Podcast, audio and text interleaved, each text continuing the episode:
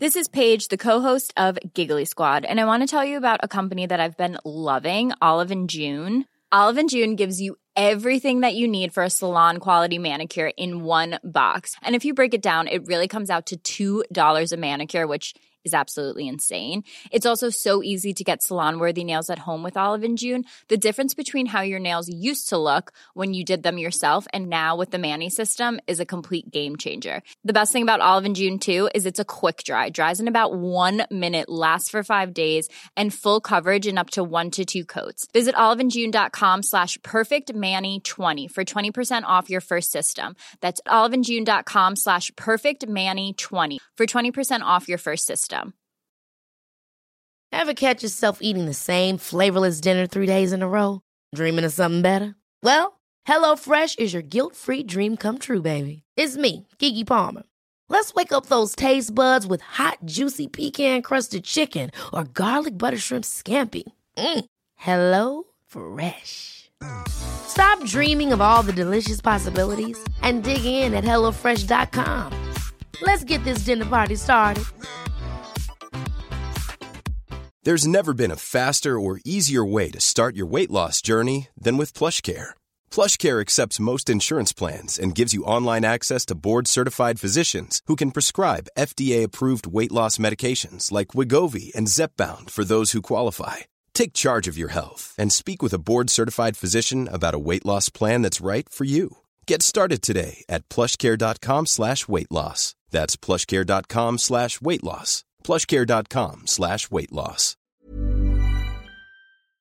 Hej igen och välkommen till avsnitt 4 av Kära barn 2.0 som vi kallar det på skoj eftersom det är fortsättningen på en gammal podd som har gått i väldigt många avsnitt. Men vi har fått så mycket puff på att fortsätta så nu bestämde jag mig för att göra det. Och jag heter Louise Hallin. Jag är legitimerad barnmorska och sjuksköterska och psykoterapeut och, och, och, och, och en massa saker. Jag är jättegammal. Jag har barn. Jag är mamma, farmor och mormor också. Så privat mycket erfarenheter av livet i det och utbildningsmässigt jobbat jättemycket med att lära mig om människan och våra behov på sikt. Och allt om barnen tycker jag är viktigt. Jag tycker det är superviktigt att förstå hur man ska hantera barn på ett bästa sätt. Och därför tycker jag att kunskapsförmedling är väldigt viktigt. Och nu har jag sån tur så att bredvid mig sitter en mycket kär kollega.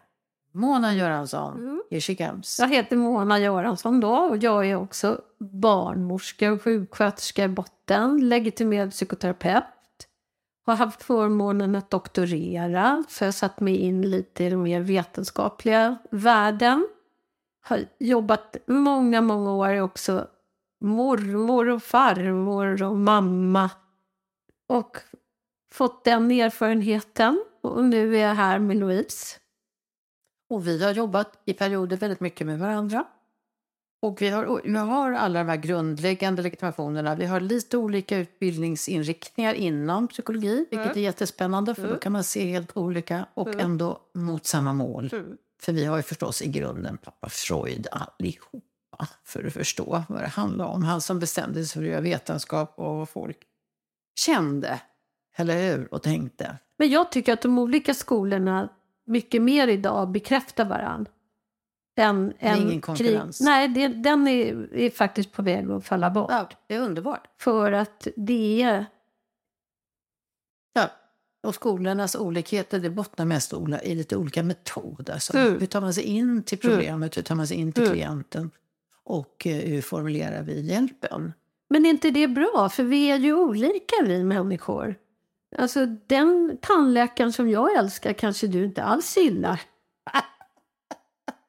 Okej, en tand kanske ändå lite mer bestående. ja. ja. Men vi älskar att göra de här programmen. Vi, tycker, vi lärde oss alla våra saker under år efter år efter år och tycker det har givit oss ett viktigt liv. Eh, så vi tänker att ni kan också lära och kan ni mer om barn, barns utveckling, barns speciella utvecklingshistoria, hur de tar sig igenom sina första 20 år, 18 är där upphör definitionen barn.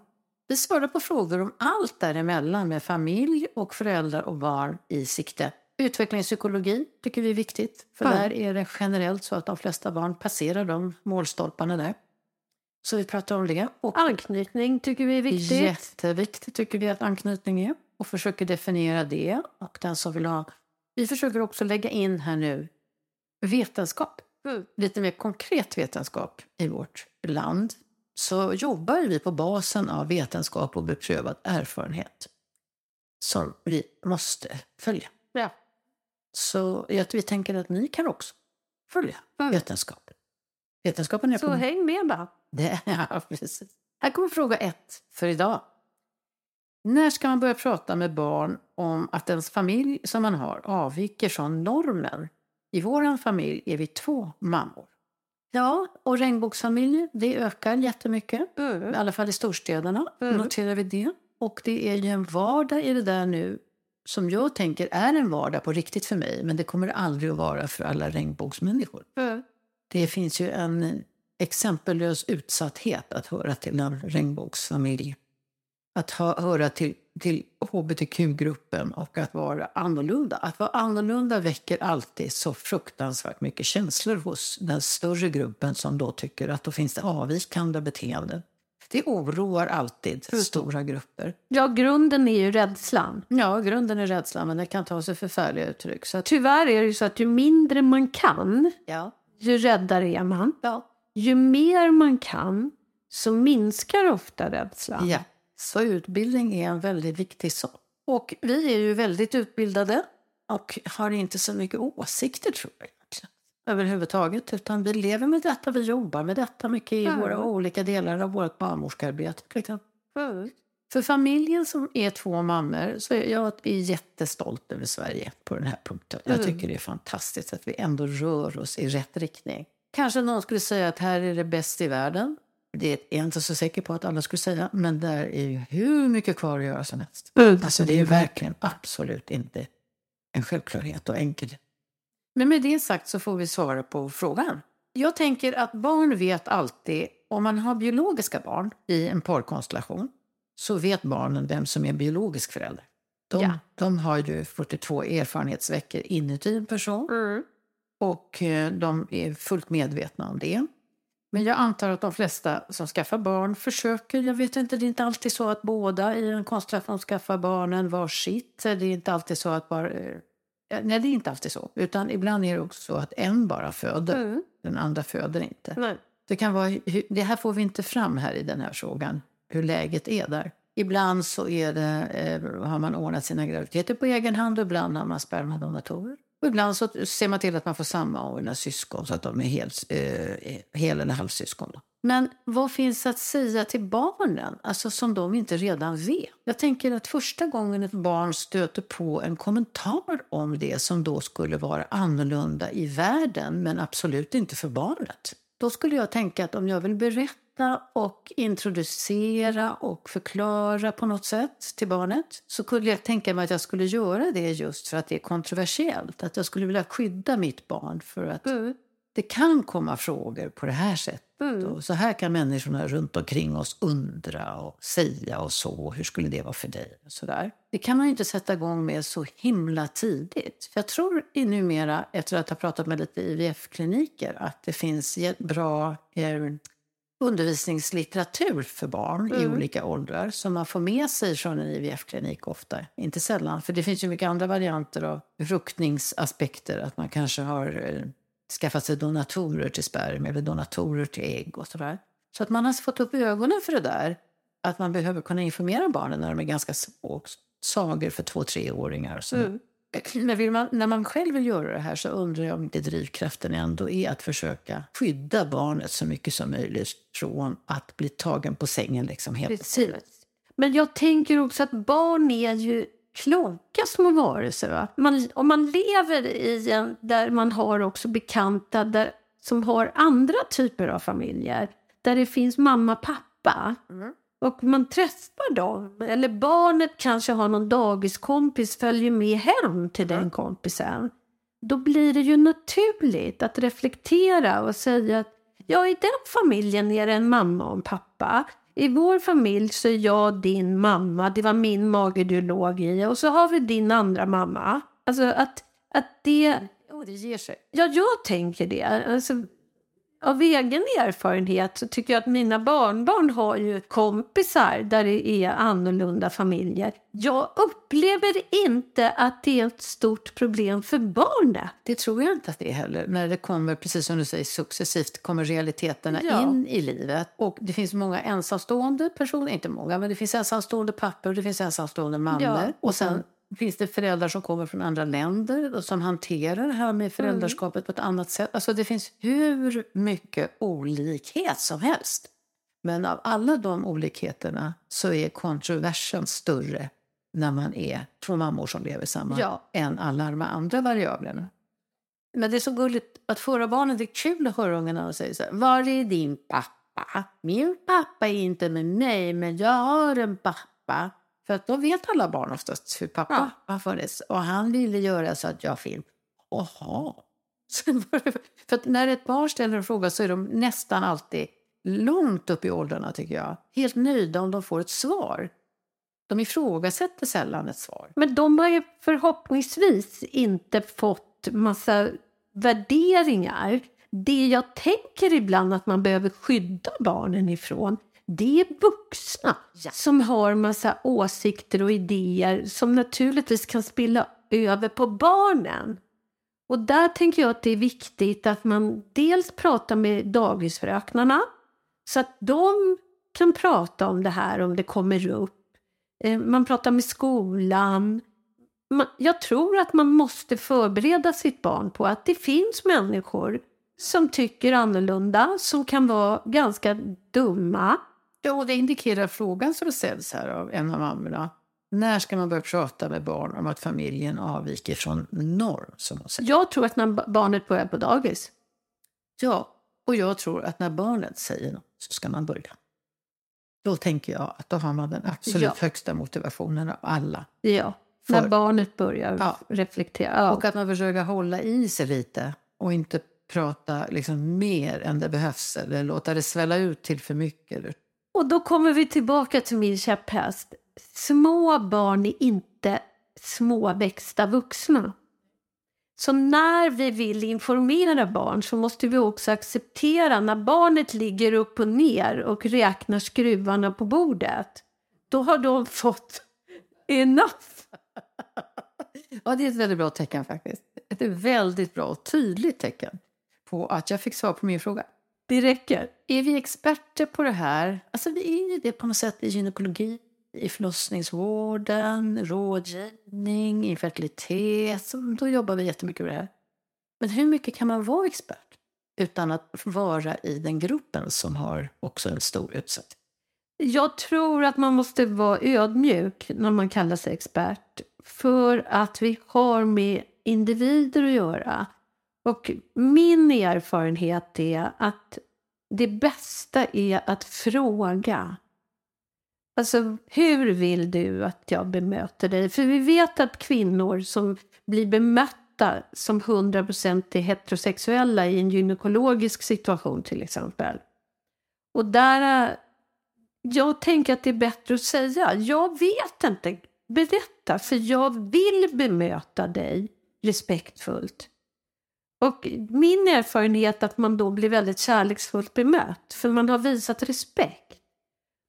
Går man in och tänker jag kan allt, så är det en fara med det. Ja, det skulle vara bra kanske att uppmana den som vågar fråga så här till exempel. Det är fantastiskt att vi får en sån fråga. Jag känner mig jättestolt över Ja. det.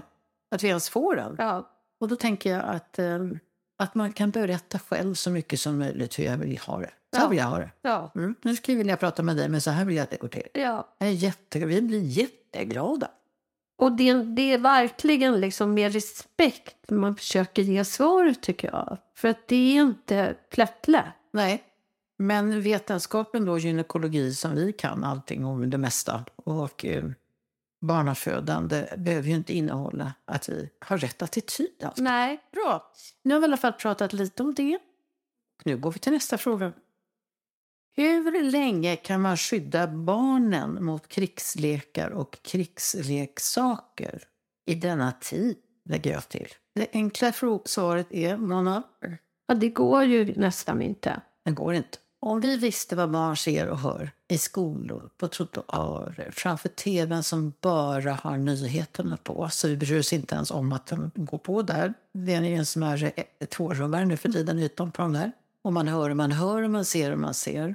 De är fullproppade med information, men de har inga förklaringar. Om inte omvärlden pratar med dem. Jag tänker att man kan ha som generell regel att man inte ska utsätta barn för Aktuellt och Rapport.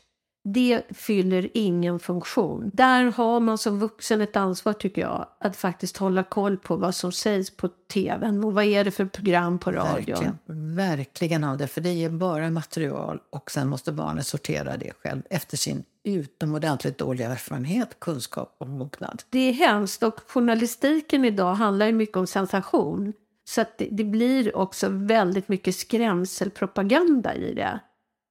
Så att utan erfarenhet om man lyssnar på ett nyhetsprogram så kan man ju tro att det är livsfarligt att liksom öppna fönstret. Så att där har man som förälder ett ansvar tycker jag att skydda barnet från information.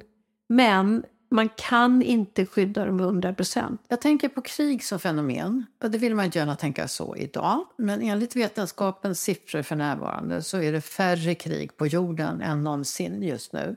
Det känns inte så när man lyssnar på nyheterna. Nej. Men det är så. Och det är också lägre nivåer av våld i vår värld än vad det någonsin har varit i världen. Inte heller det upplever man ju med skrämselpropaganda. Nej, tvärtom kan man ju tycka. Verkligen, till och med tvärtom. Mm. Och jag tänker att det finns fantastiskt mycket historik runt krig. Mm. Alltså, det finns i Stockholm ett armémuseum. Mm. Tror eller ej. Jätteintressant när man går in och tittar där. Och då har man flyttat kriget långt bort i tiden. Mm. Som ju då stämmer också med att vår tid är inte lika krigisk. Nej.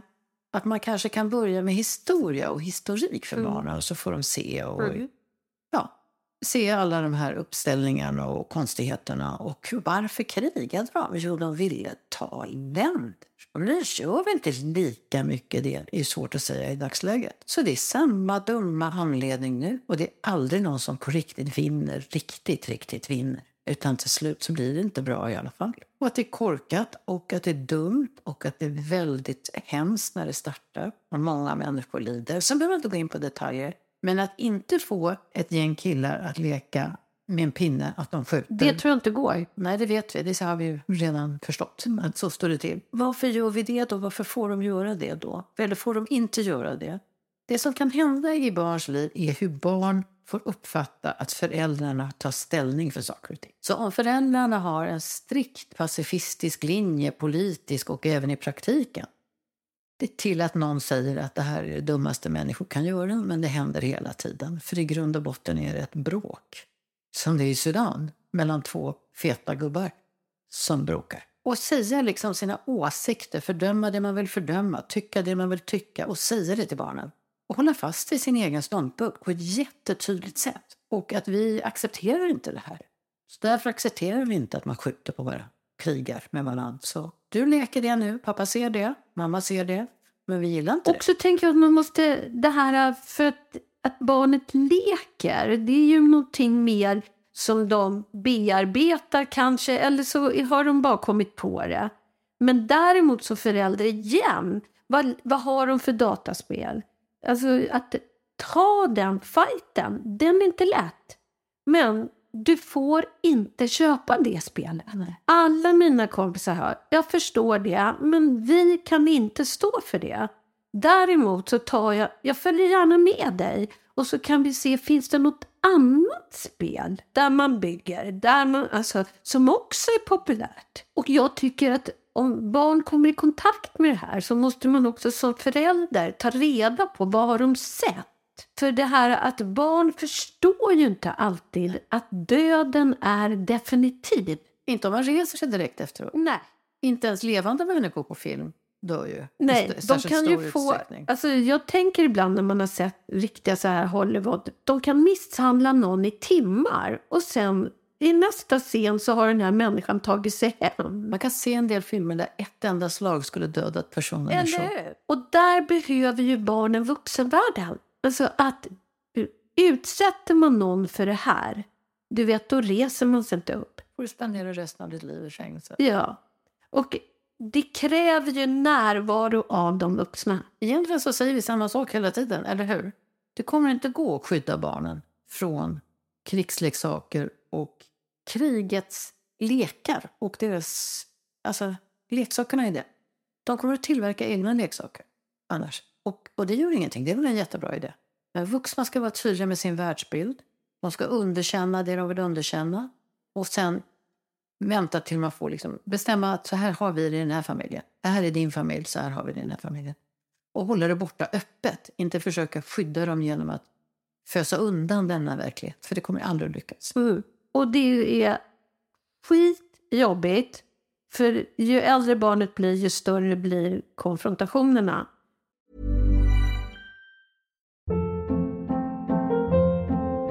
Hold up. What was that? Boring. No flavor. That was as bad as those leftovers you ate all week. Kiki Palmer here, and it's time to say hello to something fresh and guilt-free. Hello Fresh. Jazz up dinner with pecan-crusted chicken or garlic butter shrimp scampi. Now that's music to my mouth. Hello Fresh. Let's get this dinner party started. Discover all the delicious possibilities at hellofresh.com.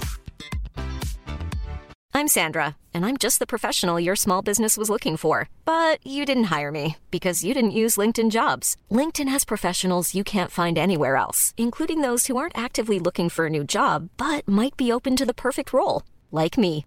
In a given month, over 70% of LinkedIn users don't visit other leading job sites. So if you're not looking on LinkedIn, you'll miss out on great candidates like Sandra. Start hiring professionals like a professional. Post your free job on linkedin.com/people today. Oundvikligt. Ta det. Du är inte kamrat, du är förälder. Så har vi det. Nu byter vi fråga. När är det bäst att introducera en ny partner för mitt barn? Ja, inte är det när du precis har blivit förälskad. Det kan vi säga. Vi pratade lite om det här förra gången. Ja. Men ta, kan ta lite till. Ja, men jag kanske. tror att man får tänka på vad som händer i kroppen när man är förälskad. Och då kan man säga vetenskapligt, om vi testar förälskade människor kognitivt så har de klart en försämrad förmåga. Man blir dum i huvudet. Vi kan intyga det. Och det är underbart. Och jag tror aldrig man blir för gammal för att någon gång liksom längta tillbaka till det här tillståndet. Det är ett tillstånd av rus. Tio månader klarar hjärnan av att hålla det gående Ja. med en helt onaturlig sexuell drivkraft. Och man behöver inte äta och man behöver inte sova. Och man är liksom... Och, men i det stadiet tror jag att man ska tillåta sig att njuta av förälskelsen. För att barn är ju inte så intresserade av att se föräldrarna helt personlighetsförändrade. Det skrämmer barn. Ja, njut och privatisera det. Ja. Vi undrar mycket mer åt andra hållet. Det har vi pratat om, du och jag. Ja. Varför måste de in med en gång, de nya? Ja. Varför måste de träffa mina barn? Varför måste de komma in i mitt liv ända in i märgen? Liksom? Det är inget bra för barn att behöva... När gör man så här till exempel? Det är klart man kan ha levt ensam i tre, fyra år och man längtar efter kärlek som 17. Men man behöver ändå inte snabba på barnintroduktionen. Nej. Men väldigt ofta är det inte så gamla skilsmässor i bagaget när man Nej. träffar någon ny. Det kanske inte heller kommer att bli mitt livspartner. Det Men jag, kanske är trött. ja, och man vill ha lite mysigt i alla fall. Jag unnar verkligen personer som har haft besvärligt, gått igenom sorg, för alla skilsmässor är ju en sorg även om den är planerad. Men ha det lite för sig själv och njuta av det och inte liksom blanda in det här med att känna sig kluven mellan den nya partnern och barnet. Och barnen behöver inte heller skydda den andra föräldern. För de Nej. kan ha fått för sig att nu blir pappa jätteledsen. Ja. För i alla skilsmässor så är det någon som går och någon som blir kvar. Det är aldrig så att man vaknar upp en morgon och tycker och tänker och känner samma saker. Nej. Och då är det väldigt allvarligt ibland för barnen när de ser den ledsna Mm. parten. Oj, oj, oj. Och då måste de dra en lans för den här personen och så måste de skydda den personen. Alltså varken den nya partnern eller ni själva Nej. är förtjänar detta. Och jag tänker om man vill ha den här relationen, då måste man vara rädd om den.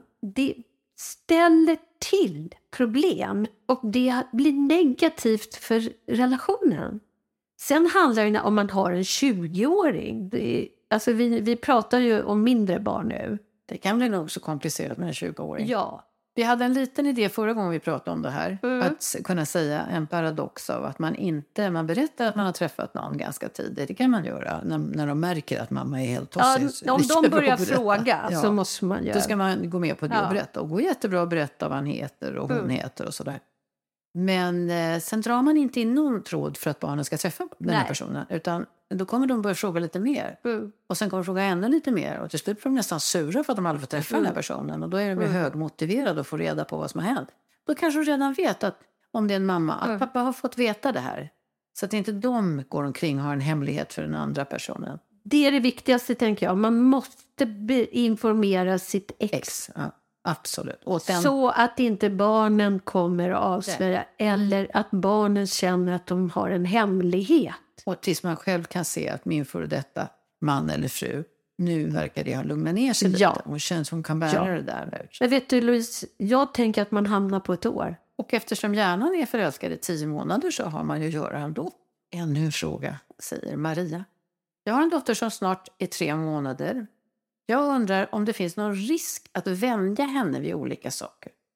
Att vänja henne exempelvis av att ammas till sömns eller att bära henne för mycket i sele. Jag försöker bara möta hennes behov och göra det som är enklast för stunden. Men är det så att jag lägger krokben för framtiden borde bebisar lära sig att bli lite mer självständiga. Det går inte att skämma bort en bebis. Nej. Bebisar är inte beräknande. De tänker inte ut, nu ska jag få mamma att göra det här. De har ingen plan, de vet inte vad konsekvenser är. De är instinktsburna och vill gärna leva. Ja.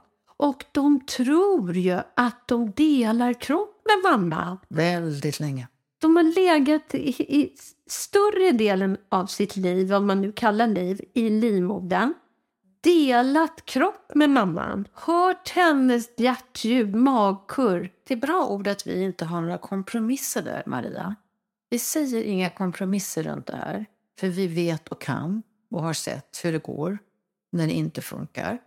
Så jag vill säga till dig, Maria, att det första som jag tänker på, det är på dig. Och så tänker jag, hur har du haft det? Och då tänker jag, kanske du har fått höra, nu fantiserar jag vitt förstår du, men jag tänker så här. Har du fått höra att du är en sorts belastning någon gång? Har det varit för mycket? Ja. Har du haft behov som de inte som växte med dig inte kunde ta hand om? Så vi blir lite ledsna för att du ska behöva fråga oss den här frågan. Barn växer hela tiden. De ökar kroppsvolymen, längden. Allt det här håller de på med i 19 år. När de är fem år så är deras anknytningsperiod ganska så avslutad under förutsättning att de är anknutna. Och då vill vi berätta för dig att anknytning handlar om konstant repetition. Så mycket maximal tid som möjligt ihop mellan dig och bebisen. Och pappa som inslag också, eller om du har en annan partner. De som hon tycker, ska tycka om, de ska du visa upp hela tiden. Men den som faktiskt kommer alltid, det är ju mamma som gör det. Eftersom brösten sitter på dig också. Så är det du som blir hennes jätteviktiga människa. Och redan är det med försprånget av att ha vuxit upp inuti dig. Och sen, sen utvecklas barnen egentligen, om man tänker efter, i rasande fart. Jag kommer ut, kan bara ligga på rygg, kan inte göra någonting. När jag har fyllt sex månader, nej tre månader, fyra, då kan jag vända mig från sida till sida. Och sen kan jag, kan jag skratta. Och då börjar jag känna igen. Och då skrattar jag ännu mer åt min mamma än alla andra, för jag blir så glad. Jag kan vända mig från mage till rygg jättemycket när jag är fyra månader, ungefär fem månader. Sen kan jag sitta plötsligt när jag är sex månader. Tolv stackars månader. Så står jag upp, börjar knata runt och gör någonting inom ett, ett och ett halvt år. En, en enorm utveckling på utsidan. Styrka, kraft, kompetens. Också en enorm utveckling på insidan. För där börjar hon kunna språket inifrån. Förståelse har hon massor. Och att inte säga så mycket. Det kan man göra när man är två och ett halvt. Men man kan börja med små ord och uttryck. Av någon helt obegriplig anledning säger barn ofta lampa som första ord. Varför det? Vi har väl pekat och visat. Men hennes behov är att alltid kunna se in i ditt ansikte och visa dig vad hon behöver. Och du börjar lära dig nu, just till tre månaders ålder. Då kommer en ny tid, men jag lovar. Nu kommer anknytningstecknen på att du är den viktigaste. Men det har framförallt varit jobbigt i tre månader när det bara har varit att ta hand om hela tiden. Och ungen är ganska cool ute i världen och visar inte så himla mycket. Det är du och jag, mamma. Men nu kommer det komma leenden, kanske en tendens till sovmönster så att du inte behöver vara så trött hela tiden. Och att amningen kanske börjar flyta nu utan några större insatser. Sakta så blir det mycket mer människa av den här lilla krabaten som kommer dig nära. Men hennes liv går ut på att härma Maria. Hon kommer att härma allting du gör. Hennes behov när du bär henne i sele, det är som att ha henne i ett famntag. Det har hon inget stopp på önskan om. Fick hon skulle sitta där 24-7. Så det blir lite mera dina behov som kommer att styra det. Det kan ju finnas ett syskon som ger, ger Maria dåligt samvete. Och där måste man ju liksom passa in. Att man själv ser till stunder med det större barnet. Stunder där bebisen är nöjd med att ligga i sin vagn.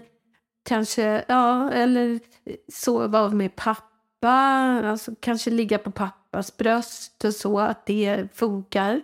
Och, så, och tyvärr blir ju då vilan för mamman lite mindre. va? Och det är så tydligt.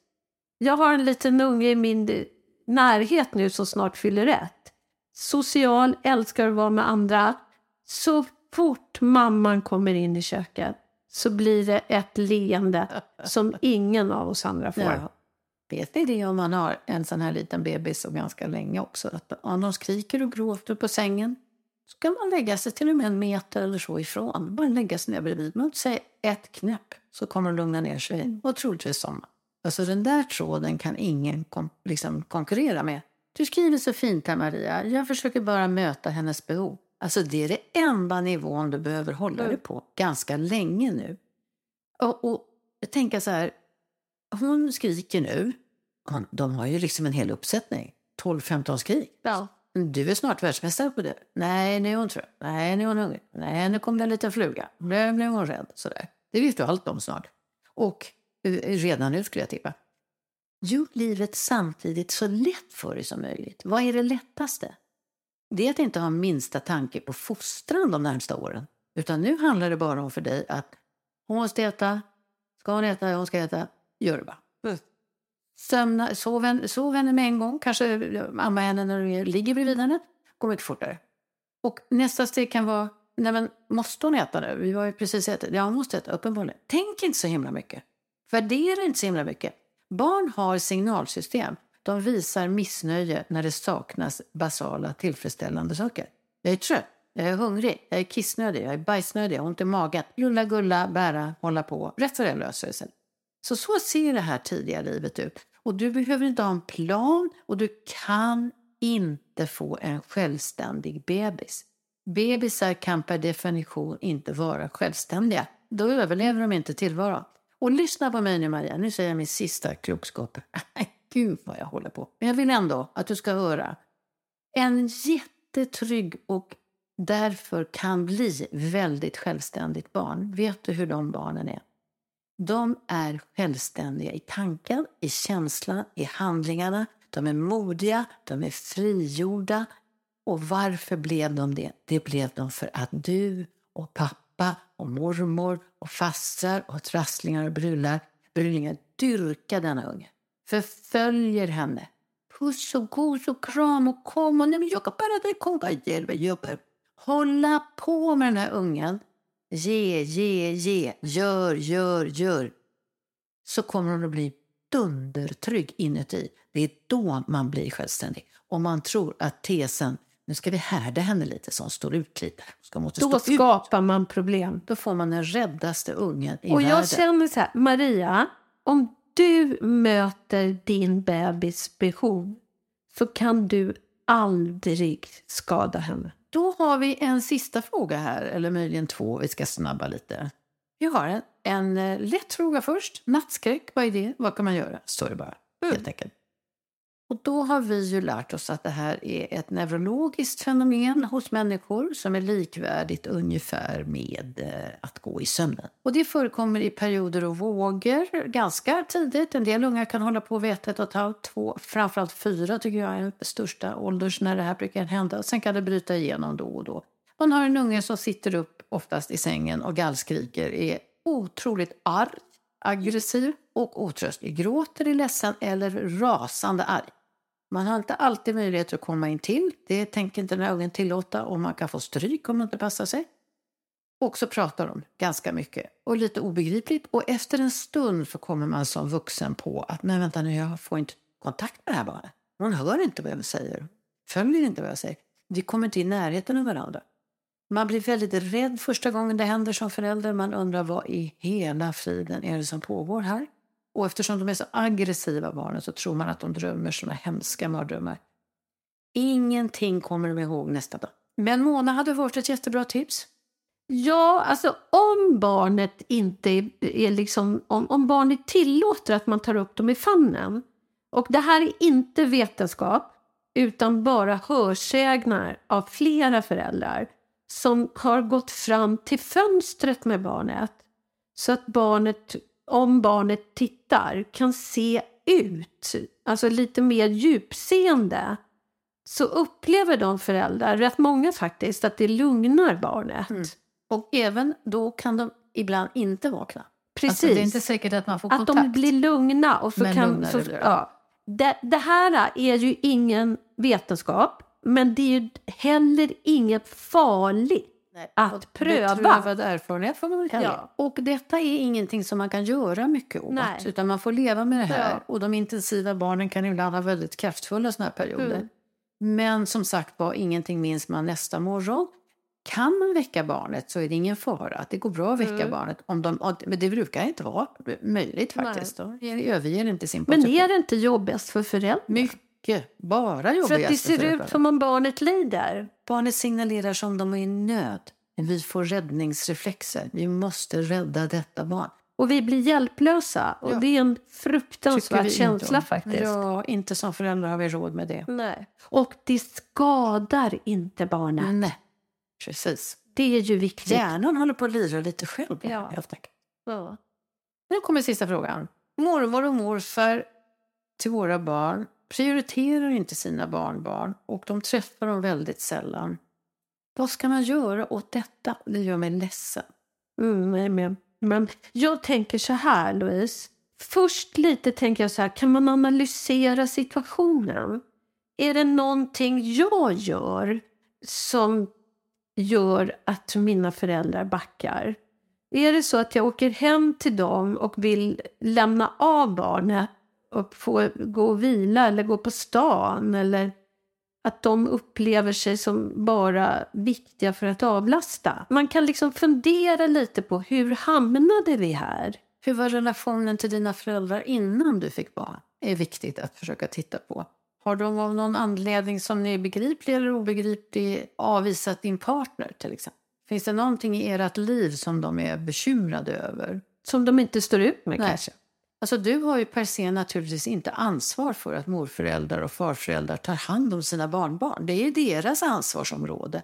Men anledningen till att de inte gör det, om jag ska bestämma mig för att du skriver till mig och du har inte en blekaste aning om vad det kan handla om, då är det ju ganska obegripligt. Men man har nästan alltid någonting att göra med relationsmässigt med bakgrunden till det här.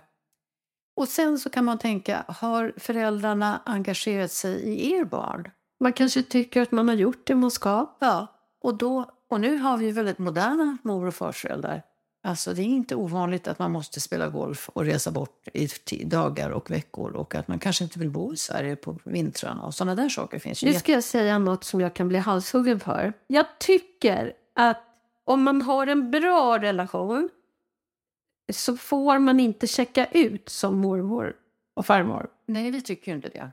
Utan jag tycker att, att föräldraskap är ett livslångt åtagande. Inte gränslöst, Nej. men livslångt. Så att man har en skyldighet som mormor eller farmor att faktiskt finnas. Sen hur mycket, det får man på något vis hitta någon bra form för. Men, men jag tycker att man faktiskt inte kan checka ut. Vi har precis som alla andra däggdjur ett otroligt behov av att visa upp våra nyfödda bebisar Ja. för, för våra flock, alltså för de närmaste Mm. viktiga. Och jag tror inte att avhållsamma mor och farföräldrar eh, att det började med att barnet föddes. Jag Jag, tror tror att det finns det. bakgrund till det. Det är ovanligt att det börjar då. Det finns mer komplexa familjebilder Mm. som har legat där.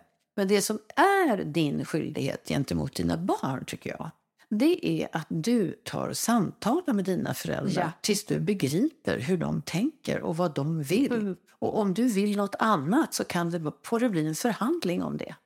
För att du måste vara alldeles trygg med barnen när de är hos mor och farsföräldrar. Och kan de bjuda på det, då kan ni förhandla om att okej, jag hör att du tycker att det är för mycket, då ska jag dra ner på det. Och kan vi börja, vi provar nästa månad, så här kan vi göra. Konstruktiva lösningar på, på vad föräldrarna säger. Om det bara är liksom en liten täckmantel för att de egentligen inte alls vill hålla på med små barn, då kommer det att visa sig. Sen tror jag att det är viktigt att man måste få vara mormor och farmor. Man är inte förälder. Personligen så förbehåller jag mig rätten att inte vara lika uppfostrande. Jag hävdar att det inte är barnets problem att hålla isär. Barnet förstår att hos mamma och pappa så lär jag mig regler och så här. Hos mormor eller farmor kan jag vara lite annorlunda. Det är lite annorlunda regler. Ja, kära lyssnare. Det var dagens skörd kan man säga. Ha det så gott. Hej då! Planning for your next trip? Elevate your travel style with Quince. Quince has all the jet setting essentials you'll want for your next getaway, like European linen, premium luggage options, buttery soft Italian leather bags, and so much more. And is all priced at 50 to 80% less than similar brands. Plus, Quince only works with factories that use safe and ethical manufacturing practices. Pack your bags with high-quality essentials you'll be wearing for vacations to come with Quince. Go to quince.com slash pack for free shipping and 365-day returns. Hold up. What was that? Boring. No flavor. That was as bad as those leftovers you ate all week. Kiki Palmer here, and it's time to say hello to something fresh and guilt-free. Hello Fresh. Jazz up dinner with pecan-crusted chicken or garlic butter shrimp scampi. Now that's music to my mouth. Hello Fresh. Let's get this dinner party started. Discover all the delicious possibilities at hellofresh.com. Hi, I'm Daniel, founder of Pretty Litter. Did you know cats tend to hide symptoms of sickness and pain? I learned this the hard way after losing my cat, Gingy. So I created Pretty Litter, a health monitoring litter that helps detect early signs of illness by changing colors, saving you money and potentially your cat's life. Pretty Litter is veterinarian developed, and it's the easiest way to keep tabs on your fur baby's health right at home. Go to prettylitter.com and use code ACAST for 20% off your first order and a free cat toy. Terms and conditions apply. See site for details.